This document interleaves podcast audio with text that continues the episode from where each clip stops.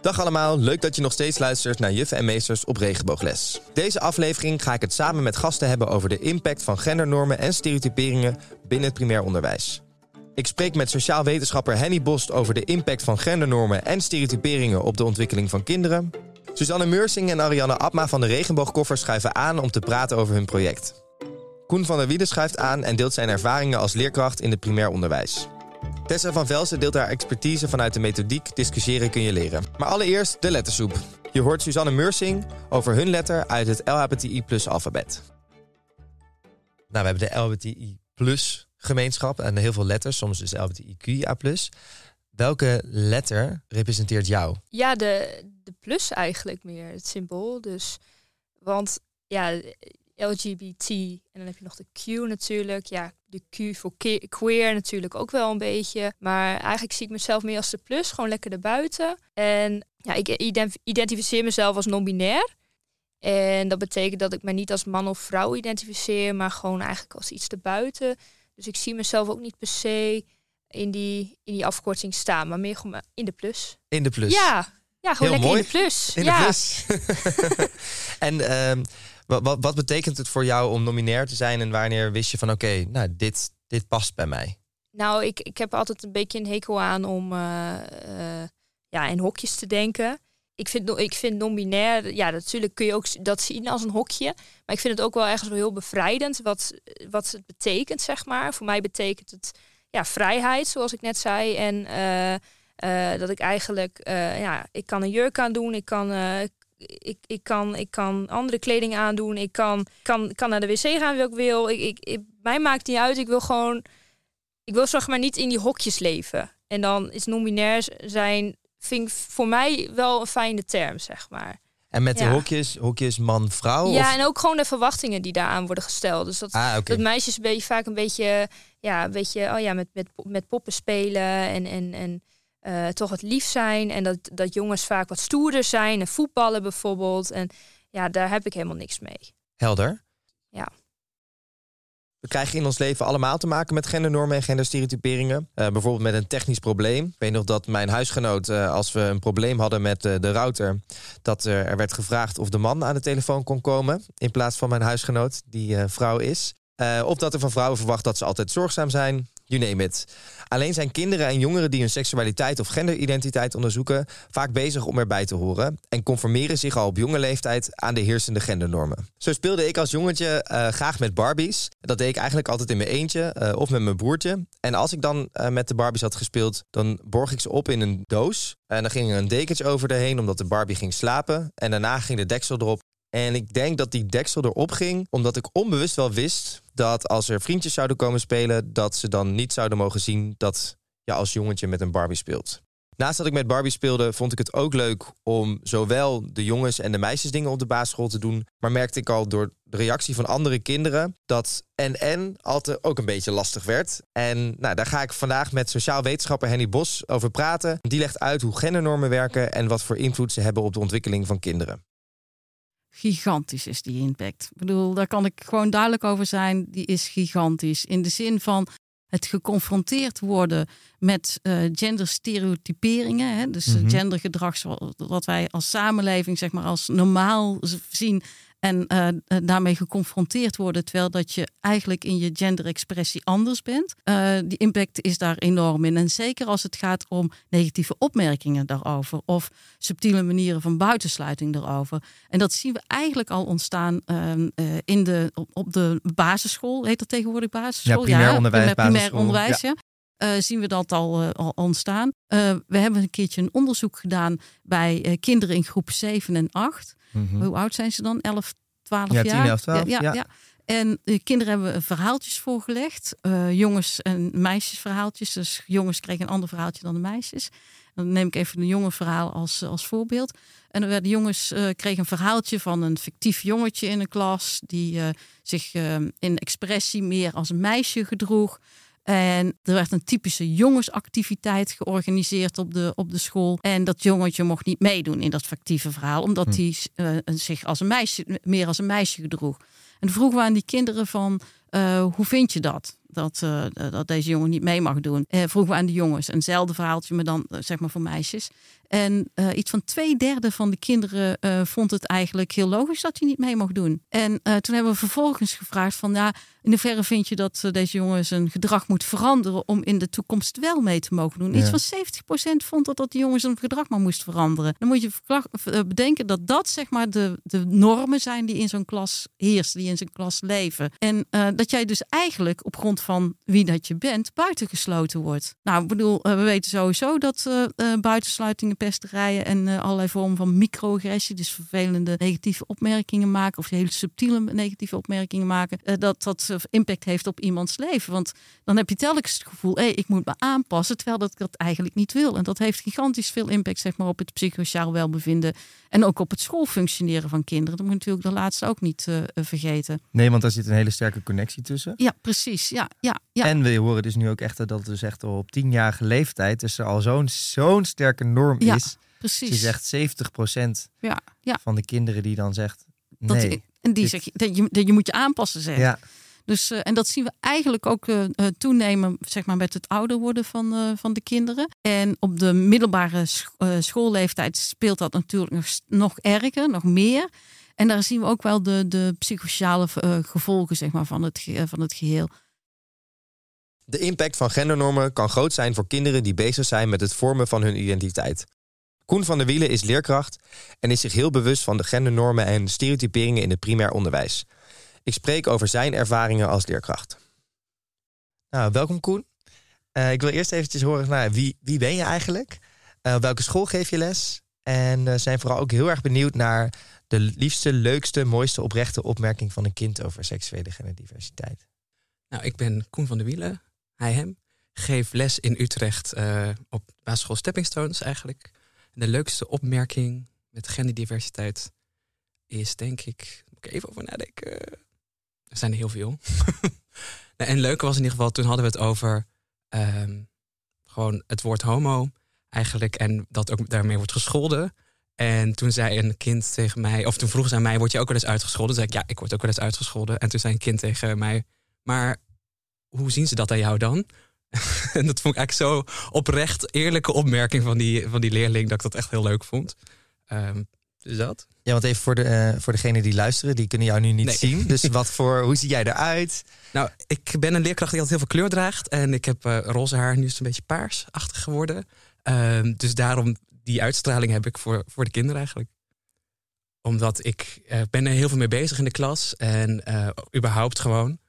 Ook de mede door hoe ik gewoon natuurlijk uitzie. Dus dat, daarmee ben je al een soort van verhaal op zich voor kinderen. En ik vind het gewoon heel belangrijk dat dit gebeurt. En het leek me ontzettend tof om juist daarvoor het gezicht te zijn. En ook dit verhaal eigenlijk te vertellen. Ja. En nu kun je natuurlijk je verhaal vertellen, want jij zei net, ik ben er best wel veel bezig mee in de klas. Wat, wat doe je dan eh, zoal? Nou, op verschillende manieren. Op school doen we een paar, mee aan Paarse Vrijdag. Sinds drie jaar nu, derde jaar dit jaar, als ik het goed zeg. Mhm. Ehm, dus dat sowieso vieren wij. En ik ben ook heel actief bezig met eigenlijk elke keer als ik dingen hoor tussen kinderen, tussen jongens-meisjesverdeling bijvoorbeeld. Of eh, als het ergens in het nieuws over gaat. Eigenlijk ga ik bijna altijd het gesprek aan met kinderen als het gaat over gender, over seksendiversiteit. En zelf ben ik heel open over mijn relatie die ik heb met een, met een man eigenlijk. Ehm, en dat vind ik gewoon heel belangrijk. Dat zij dit gewoon meekrijgen, dat het gewoon heel normaal is. Dus eigenlijk bijna elk moment van de dag ben ik er wel mee bezig. De boeken die er voornamelijk eh, liggen binnen, binnen scholen, daar zien we heel veel dan het heteronormatieve plaatje. Mhm. Eh, Kun je daar wat meer over, eh, over vertellen? In de zin van. Nou ja, wa- wa- wat zien we dan dus voornamelijk terug in die boekjes waarin, waarom jij eigenlijk andere boeken kiest? Ja, je ziet gewoon alle stereotypen terug van jongens, meisjes. Uh, jongen, meisje wordt verliefd. alle stereotypen van jongens die voetballen, meisjes die alleen maar zo van ballerina's zijn en in, in jurken staan te dansen. Ik denk, hoe belangrijk is het dan dat je juist boeken geeft die juist dat tegendeel bewijzen? Want alles wat die kinderen zien, is al een soort bevestiging van juist dat ballerina meisje en die voetballende jongen. Ja. Koen vertelde al over de gendernormen en genderstereotyperingen binnen de les- en leesboeken binnen het primair onderwijs. Koen probeert als leerkracht zijn kinderen andere voorbeelden mee te geven om zo te zorgen dat zijn leerlingen gemarginaliseerde groepen terugzien en horen binnen het lesmateriaal. Suzanne Meursing en Ariane Abma zijn beide studenten en hen viel op dat PO-materiaal vol gendernormen zit. In plaats van wachten totdat uitgeverijen aan de slag gaan, hebben ze het heft in eigen handen genomen en bedacht iets moois. de regenboogkoffer. Een koffer met lesbrieven en ideeën bij prentenboeken en leesboeken vanuit een LBTI plus perspectief. Zij gaan mij meer vertellen over dit toffe initiatief. Ik uh, ben Ariane, ik ben uh, 21 jaar oud. Uh, mijn pronouns zijn zij, haar. En ik zit nu in het derde jaar van de PABO op de Hans Hogeschool in Groningen. En ik geef nu les op stage aan groep 8 leerlingen. En daar ben ik heel blij mee, want ik vind de onderbouw iets minder leuk persoonlijk. en over de opmerking wat een kind heeft gemaakt, ga ik nog heel eventjes nadenken. Helemaal goed. nou, ik ben Susanne, ik ben 20 jaar. Uh, ik heb Pabo gestudeerd. Uh, ik ben in het tweede jaar gestopt. Ik ben nu geswitcht naar social work. Um, en ik heb um, heel veel bij kleuters les gegeven. Of ja, les gegeven, stage gelopen, begeleid. En wat ik zo mooi aan kleuters vind, is dat zij eigenlijk geen filter hebben. Dus er kwam ooit een kleuter naar me toe en die vroeg aan mij: Ben jij een jongen of meisje? En ben je een juf of een meester? En dat was wel een hele mooie vraag waar ik toen over heb nagedacht. Van ja, hoe zien kinderen dat? Jullie zijn nog jong, 20, 21 jaar oud. Jullie zijn al best wel bezig geweest om seksuele genderdiversiteit op de, op de kaart te zetten binnen het onderwijs. Uh, met de regenboogkoffer. Wat is het idee achter de regenboogkoffer? Kun je er wat meer over vertellen? Nou, het begon eigenlijk met uh, dat we op de Pabo een uh, GSA ja, ja, hebben opgericht. Idee, ja. En we hebben met de GSA toen in plaats van alleen Paarse Vrijdag gevierd, een Paarse Week gevierd. Uh, en daar konden we allemaal ideeën bedenken uh, met dingen die we konden doen. En wij houden allebei nou, heel erg van lezen. Ja. Dus uh, toen dachten we, wij gaan een workshop ontwerpen met kinderboeken van, voor zowel onderbouw, middenbouw als bovenbouw. En dat geven we aan, hebben we toen aan onze eigen klas gegeven en ook aan andere klassen. Nou ja, en we waren heel enthousiast bij de workshop en toen is daar eigenlijk... Een koffer uitgekomen en en die uh, kinderboeken, die, dat zijn dus ja, regenboogboeken noemen wij ze. Dat gaat dus over thema's over genderdiversiteit, seksuele diversiteit. Maar ook bijvoorbeeld uh, wat als je twee papa's hebt. Of wat als je uh, verliefd wordt. wat als je een jongen bent en verliefd op een jongen bijvoorbeeld. Dat soort onderwerpen. En hoe dat terugkomt in boeken. En, en hoe je dat kunt toepassen in het onderwijs. Daar hebben wij tijdens de Paarse Week een workshop over gehouden. En toen waren we zo enthousiast die koffer die moesten gewoon komen. Ja, zeker. Nou ja, wat ik zelf ook altijd heel erg belangrijk vind, is dat het bij seksualiteit en genderidentiteit, uh, maar ook bij seksen trouwens, heel vaak niet te zien is. Dus hoe zichtbaar zijn we nou eigenlijk? Kijk, als je haar uh, roze is, kan je zeggen, oké, dat kan een vorm zijn waarin je dat kan uiten. En door die vlag kunnen we ook zichtbaar worden. Dus ik vind dat ook altijd een mooie om mensen mee te geven van hè, waarom moet het dan zo zichtbaar zijn met vlaggen? Dan denk ik, ja, nou, zo kunnen we zichtbaar worden. En zo kunnen we onszelf ook uh, zien uh, en hopelijk ook erkend worden. Wat ik ook heel interessant vond, wat jullie schreven, want jullie hebben ook heel mooi in, in de handleiding voor de leraren hebben jullie beschreven uh, waarom het zo belangrijk is om het te bespreken. En daarin zeggen jullie, en dat vind ik, ja, die wil ik gewoon eigenlijk even voorlezen. Vaak worden er in de media en in de politiek twijfels uitgesproken over kinderen confronteren tussen haakjes met deze onderwerpen waar kinderen veel te jong voor zouden zijn. Wat mensen hierbij niet, uh, uh, hierbij niet bedenken, is dat wel overal heteroseksuele representatie in het basisonderwijs is. En hier hebben jullie hem omgedraaid. Kunnen jullie iets meer uitleggen wat jullie bedoelen met heteroseksuele representatie? Nou, als je bijvoorbeeld in werkboekjes kijkt uh, van kinderen of in, ja, gewoon in eigenlijk überhaupt schoolboeken, dan kom je vaak toch wel ja, heteroseksuele voorbeelden tegen. Bijvoorbeeld Roos en Piet of uh, ja, mama en papa. Maar ook bijvoorbeeld dat kinderen bijvoorbeeld lijntjes moeten trekken van bepaalde objecten die bij elkaar horen. En daar zie je dan bijvoorbeeld ook bepaalde genderrollen terugkomen. Bijvoorbeeld een, een, een, een, een jonge, jongensachtig poppetje, die moet dan kroon hebben en een. een, een, meisjesachtig figuurtje moet dan bijvoorbeeld de ball of ballerina's of, of, of van, die, van die hakjes hebben bijvoorbeeld. Ja, en dan bedoel je denk ik met um, jongensachtig met een kroon, bedoel je dan denk ik meer iets... Ja, bijvoorbeeld een prins of ja, zo, inderdaad, met een kroon, ja, zoiets. Ja, ja, en dat zie je er ook wel vaak terugkomen in, in prentenboeken, dat er toch wel een soort van stereotyp beeld over is. En uh, daarom vonden we het ook heel belangrijk om het juist weer om te draaien. Van uh, eigenlijk word je in die boeken eigenlijk doodgegooid met zulke voorbeelden. Maar voor de voor de andere groep is er eigenlijk bijna niks.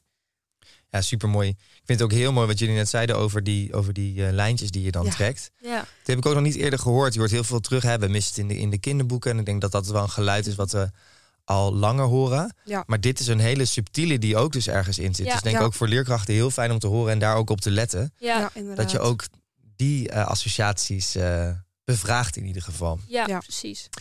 Ja, en ik, ja, ik, vind, ja, ik ben echt eh, de heteroseksuele representatie. Ik vind dat heel erg mooi hoe je dat hebt beschreven. Want het is echt eh, zo interessant. Want inderdaad, dan, lijkt het, dan maak je het ook niet meer ne- neutraal. Nee, precies. Want als we altijd alleen maar denken papa, mama, man, vrouw. En dat nemen we aan als, als norm of als neutraal. En jullie zeggen, nou, dat is eigenlijk ook representatie, Ja. maar dan heteroseksuele representatie. Ja, Precies. zeker. Ik vind hem heel eh, mooi beschreven. Ehm, Ik ben ook helemaal soort van door deze zin. Ik denk, ik word helemaal enthousiast. Zit er helemaal in. Eh, la, la, la, la, la. Oh ja, jullie over de, de, de gendernormen en stereotyperingen. Op welke manier eh, besteden jullie daar ook nog meer aandacht aan binnen de, de regenboogkoffer? Ehm, nou, sowieso hebben we ehm, ook best wel veel informatie beschikbaar voor docenten. Van goh, ehm, we, we hebben een aantal flyers, een aantal ehm, websites en dingen waar je naartoe kunt gaan om hier meer over te lezen. Dus ehm, nou, dat docenten echt eh, veel ehm, ja, verschillende dingen kunnen onder, onderzoeken eh, en daarover kunnen lezen.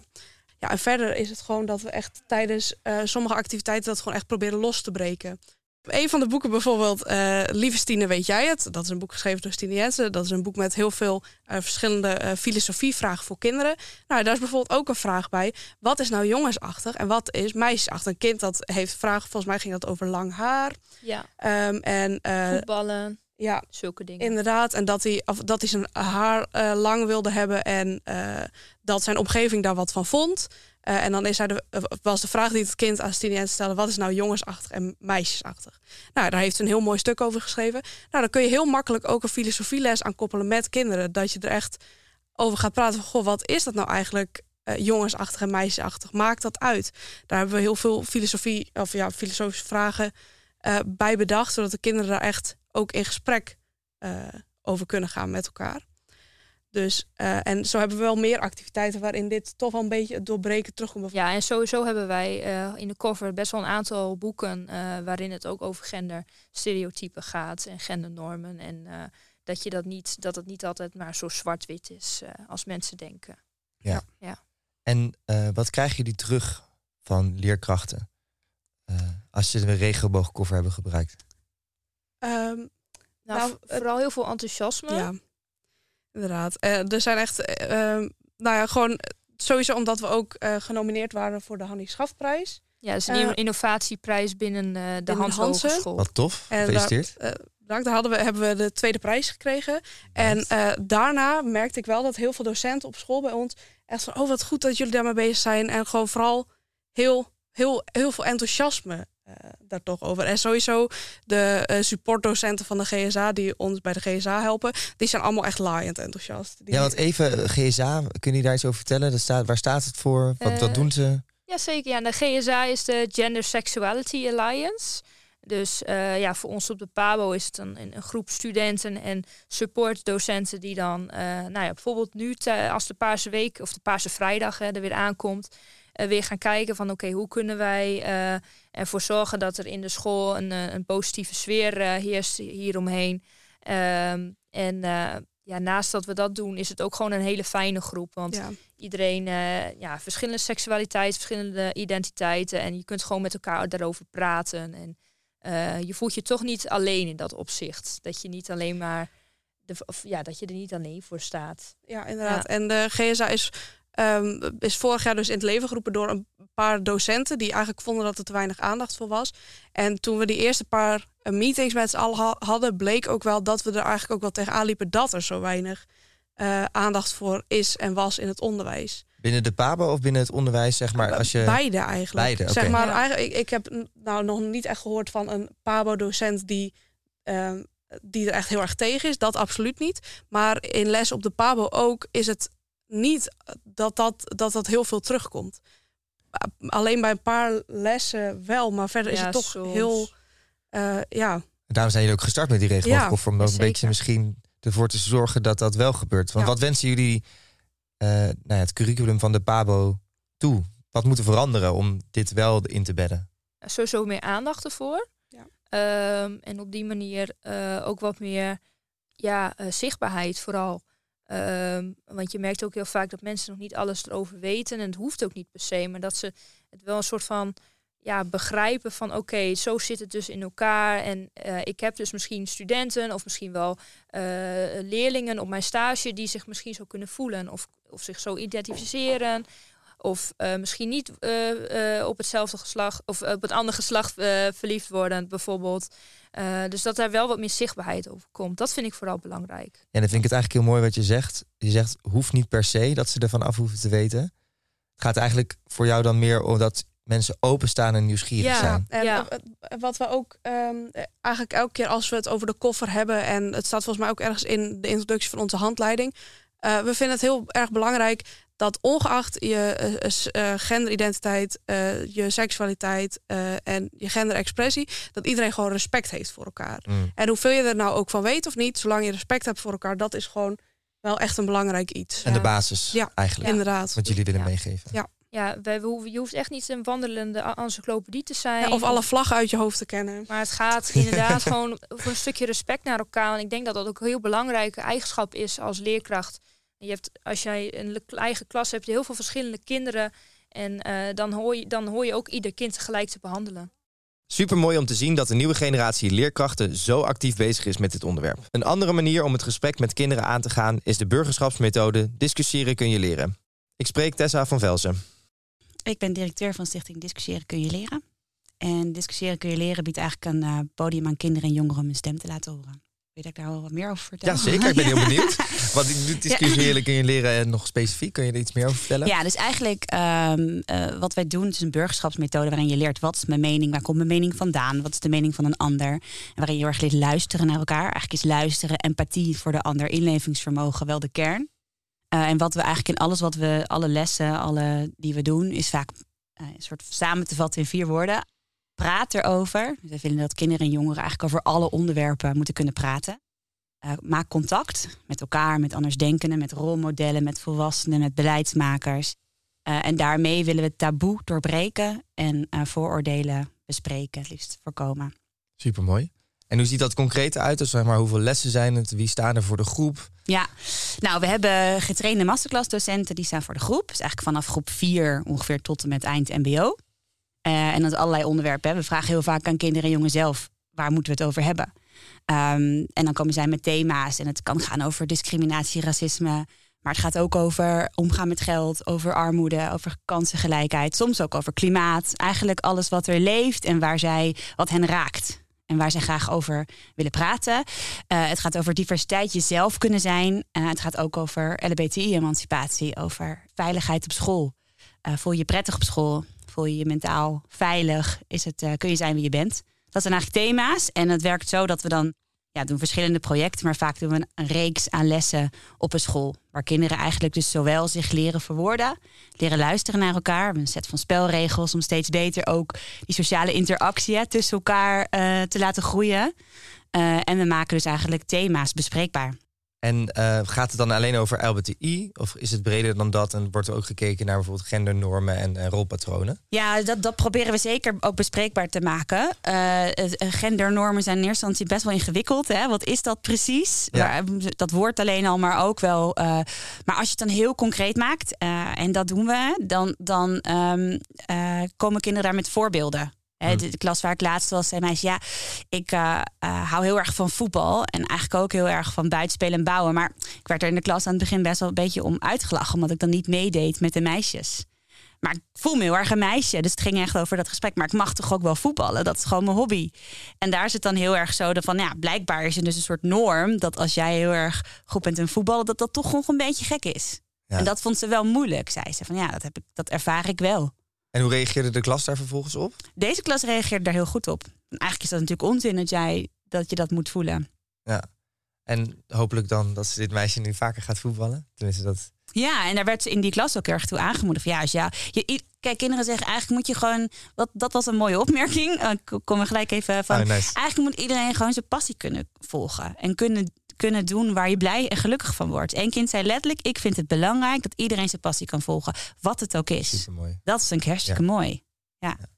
Dus daar ontstaat ook niet echt in geen enkele klas heel erg het, het ehm, de schuring eigenlijk. Of het moeilijke in het gesprek. Want dat, iedere, bijna alle klassen zijn erover eens dat je daarin gewoon je, je, jezelf moet kunnen zijn. Ja, dus als we naar rolpatronen en gendernormen kijken binnen de samenleving, dan zijn eigenlijk klassen wel vrij unaniem in wat ze daarover vinden. Maar het gaat met name over LBTI, wat soms nog wat schuring kan veroorzaken. Ja. Ja, ik, wat ik merk is dat de, de, de, zeg maar de gemeenschappelijke waarden van ehm, je veilig moeten kunnen voelen, uh, van niet discrimineren, die heel erg gedragen worden. Dus als het gesprek daarover gaat, in de context van we zijn tegen discriminatie, tegen wie dan ook, dan, dan kom je weer bij elkaar. Um, dus in, dat, in die context kunnen we het goed bespreken. Maar als het uh, eh, LBT-emancipatie soms te los staat, dan op sommige scholen uh, blijft het dan, wordt het moeilijker. Zou dat ook jouw advies zijn uh, aan leerkrachten die het soms lastig vinden om dit onderwerp bespreekbaar te maken? Ja, zeker. Ik, ik denk echt dat het moet gaan over uh, de, de, de laag daaronder, de waarden die daaronder liggen. Dus, dus de waarde van uh, veiligheid, jezelf kunnen zijn, maar ook de waarde van je identiteit mogen ontdekken, ontwikkelen in de loop van het. Dat, dat is eigenlijk iets wat we allemaal delen.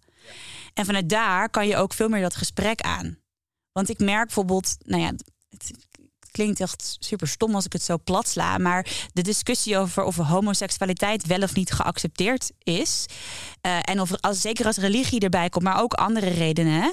Dan loopt die discussie, wordt toch weer een soort van verhard. En dan krijg je een soort, soort uiting. En dan, komt, dan um, botst het soms ook met de waarde van de masterclassdocent. Die daarmee worstelt. Want eigenlijk wilde hij dat gesprek verdiepen. Ja. Maar als het echt een opmerking is wat gewoon zo schuurt met waar je zelf voor staat, dan ja, ik zit het uit te beelden, dat zie je niet in de podcast, hè? Nee. maar dan is het zo weer helemaal dat polariserende idee van ik vind dat, dit vind dat. En dan kom je niet bij elkaar. Ja. Dus oké, het mag niet van mijn ouders, niet geaccepteerd, klaar. Maar de vraag is natuurlijk, ook al mag dat niet, het gaat om hoe we met elkaar omgaan. Ja, ja, precies. Dus wat je gedachten zijn is iets anders dan je gedrag sowieso. En wel welk gewenst gedrag verwacht je ook op deze school? Ja, en hoe, wat kan jouw impact zijn op een ander? Ja, en ben je daarvan bewust ook? En ben je daarvan bewust? Ja.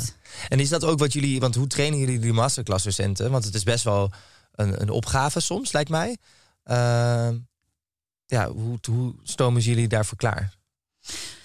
Nou ja, kijk, sowieso hebben ze een training gehad om, om uh, masterclass-docent te kunnen zijn en om vragen te stellen. En we oefenen heel erg in dat debat leiden, die dialoog leiden door uh, kinderen de goede vragen te stellen, open vragen of niet per se open, maar vragen waarbij ieder kind aan denken gezet wordt en kan en wil antwoorden. Dat is al een kunst op zich, hè? Dat je een vraag stelt waarbij iedereen denkt, oh, kan hier iets mee? En dat je dus ook zoekt naar die, naar die gemeenschappelijke waarden en dat gaat uitpluizen. Dat, dat trainen we. Daar doen we, daar doen we intervisie in. En daar hebben we ook specifiek bij deze les ook wel wat langer bij stilgestaan. En we gaan ook nu in december, dan is een deel van de les zijn geweest, ook weer even bij elkaar komen. Van wat gebeurt er nou? Want ik merk dat bij deze les misschien meer dan bij andere lessen veel loskomt. Ja. En dat is voor ons dan een opdracht om daar iets mee te doen. En zie je ook terug, want hè, nu neemt de DKL-docent neemt, uh, voor die les het werk uit handen van de leerkracht die voor de groep staat. Krijg je dan ook terug van dat een leerkrachten ook daarvan leren, omdat ze denken, ah, ik kan het op deze manier aanpakken. Ik had dit nog niet op deze manier bekeken. Ik, Kijk, dat weet ik nog niet precies. Want we zijn natuurlijk net met deze, specifiek deze les bezig. We, kijk, we proberen altijd wel door een intake en een evaluatie en goed samen te werken met de docent dat over, dat over te brengen. Dus dat zou ik heel mooi vinden als dat zo is. Vind, vind ik nog snel om te zeggen met deze specifiek deze les. Maar dat hoop ik inderdaad. Um, ja, dat, dat zou mooi zijn als dat zo is. Voor deze podcastreeks hebben we ook een aantal kinderen gesproken die hun wijsheden met ons delen. Af en toe laten we hen aan het woord en horen we terug hoe de nieuwe generatie ons wat advies kan geven. Uh, ik vind een Noorn uh, niet goed, want gendernoorn. Als een jongen uh, met poppen wil spelen, dan mag dat. En als een jongen met voetbal, voetbal wil spelen, dan mag dat ook. En als je meisje dat wil, dan mag dat ook. Want bij, bij ons in de klas, dan gaan alle meisjes vaak ook meedoen met de jongens met voetbal. Bedankt voor het luisteren naar alweer de derde aflevering van Juffen en Meesters op Regenboogles. Ben je geïnteresseerd in meer info over dit onderwerp? Check dan www.basisschool.coc.nl en bekijk de show notes. En natuurlijk nodig ik je uit om mee te gaan op de volgende regenboogles in aflevering 4 over het creëren van een veilige schoolomgeving.